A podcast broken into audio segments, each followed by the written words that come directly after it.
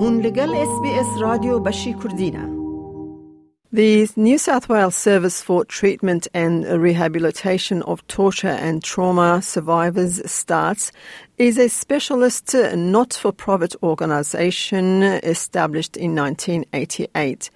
Laura Johnston is the Community Development Officer in Wagga Wagga where a large number of refugees have been resettled including many Yazidi refugees. Welcome to SBS Kurdish, Laura. Thank you. Thanks for having me. Laura, could you tell us about your role at STARTTS, please? Yeah, sure. So I'm based in the Wagga Wagga office, like you said, and community development comes under what we would consider our community services team. And we're able to work with communities um, to, you know, support them to reach their goals. We offer group programs across the lifespan, so for all ages. Yeah, we do a lot of support in schools so supporting teachers and supporting students in schools, a lot of psychoeducation. It's really great because we're able to be super flexible depending on the needs of the local communities. Okay, so what type of services or programs does um, STARTTS provide? Um, so in Wagga Wagga we do counselling, um, one-on-one counselling, so confidential counselling to people who would like that service, and we also do a lot of group programs. Um, we do a lot of youth programs, so that might be We've got a high school youth group. We do after school type sport programs and we also run programs in the school settings, normally to the EALD mm-hmm. classes. Mm-hmm. We do programs for separate programs for men and women. Um, so those are often socially based programs. At the moment, our women's program is um, we've got a program for Yazidi women, and that is social, but also trying different things. So doing things like yoga, visiting galleries, trying to see what's around in the local area that the women can attend outside the group as well. Okay, so uh, we'll come to the Yazidi community in a minute, but all the programs that you provide. Um, are they for, especially for refugees, or are they for non-refugees? By far, the majority of the time, we just work with people from refugee background. Mm-hmm. Um, the distinction there being that it's not based on coming to Australia and being under a refugee visa it's more people who've had a refugee like experience. So we know a lot of people might be on a student or a partner visa type thing, but they've had a similar experience to refugees. It just happens that they've been able to come on a different visa. So our programs are generally open to people with a refugee like background. Now, Wagga Wagga has welcomed a large number of refugees in the past uh, several years.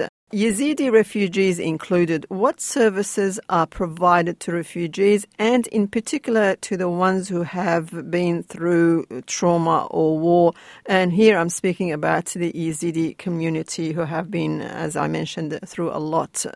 If you do counselling, do they uh, decline counselling? Are they easy to approach? Uh, how do you um, provide services to them?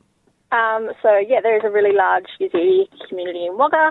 Really privileged in that I do know quite a few community members, and I think quite a few people are aware of STARTTS.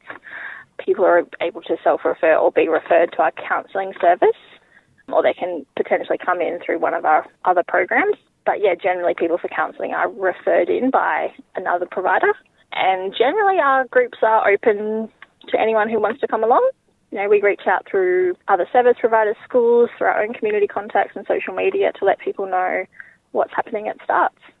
Now, a minute ago, you mentioned a program for the Yazidi women. Uh, could you elaborate more about that, please? Yeah, my colleague Ali has started that women's program. She, you know, we always act from uh, community development principles where we really ask the community what it is they would like. Is there something we can support them with? And based on that, we will we've organised activities through this particular group. Um, so there's social needs, um, women wanting to come together to talk, to meet new people, um, and then explore their local environment and you know become aware of things that they might not have known were around in Wagga. Recently, or to be precise, uh, post COVID, as the international borders opened, a number of Yazidi refugees are arriving in Australia, and um, Wagga Wagga is one of them.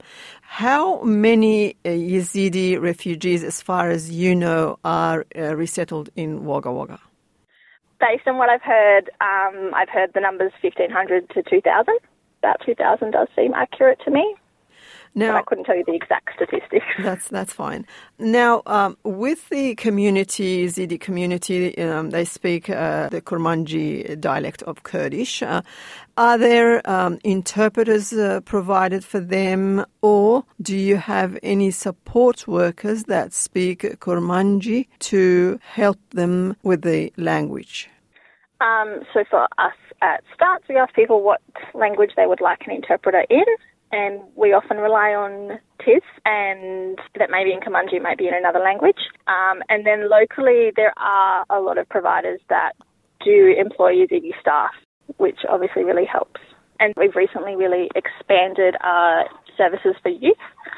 And for example, in this upcoming school holidays, we have um, swimming programs available for people to learn to swim, and we have a um, camp.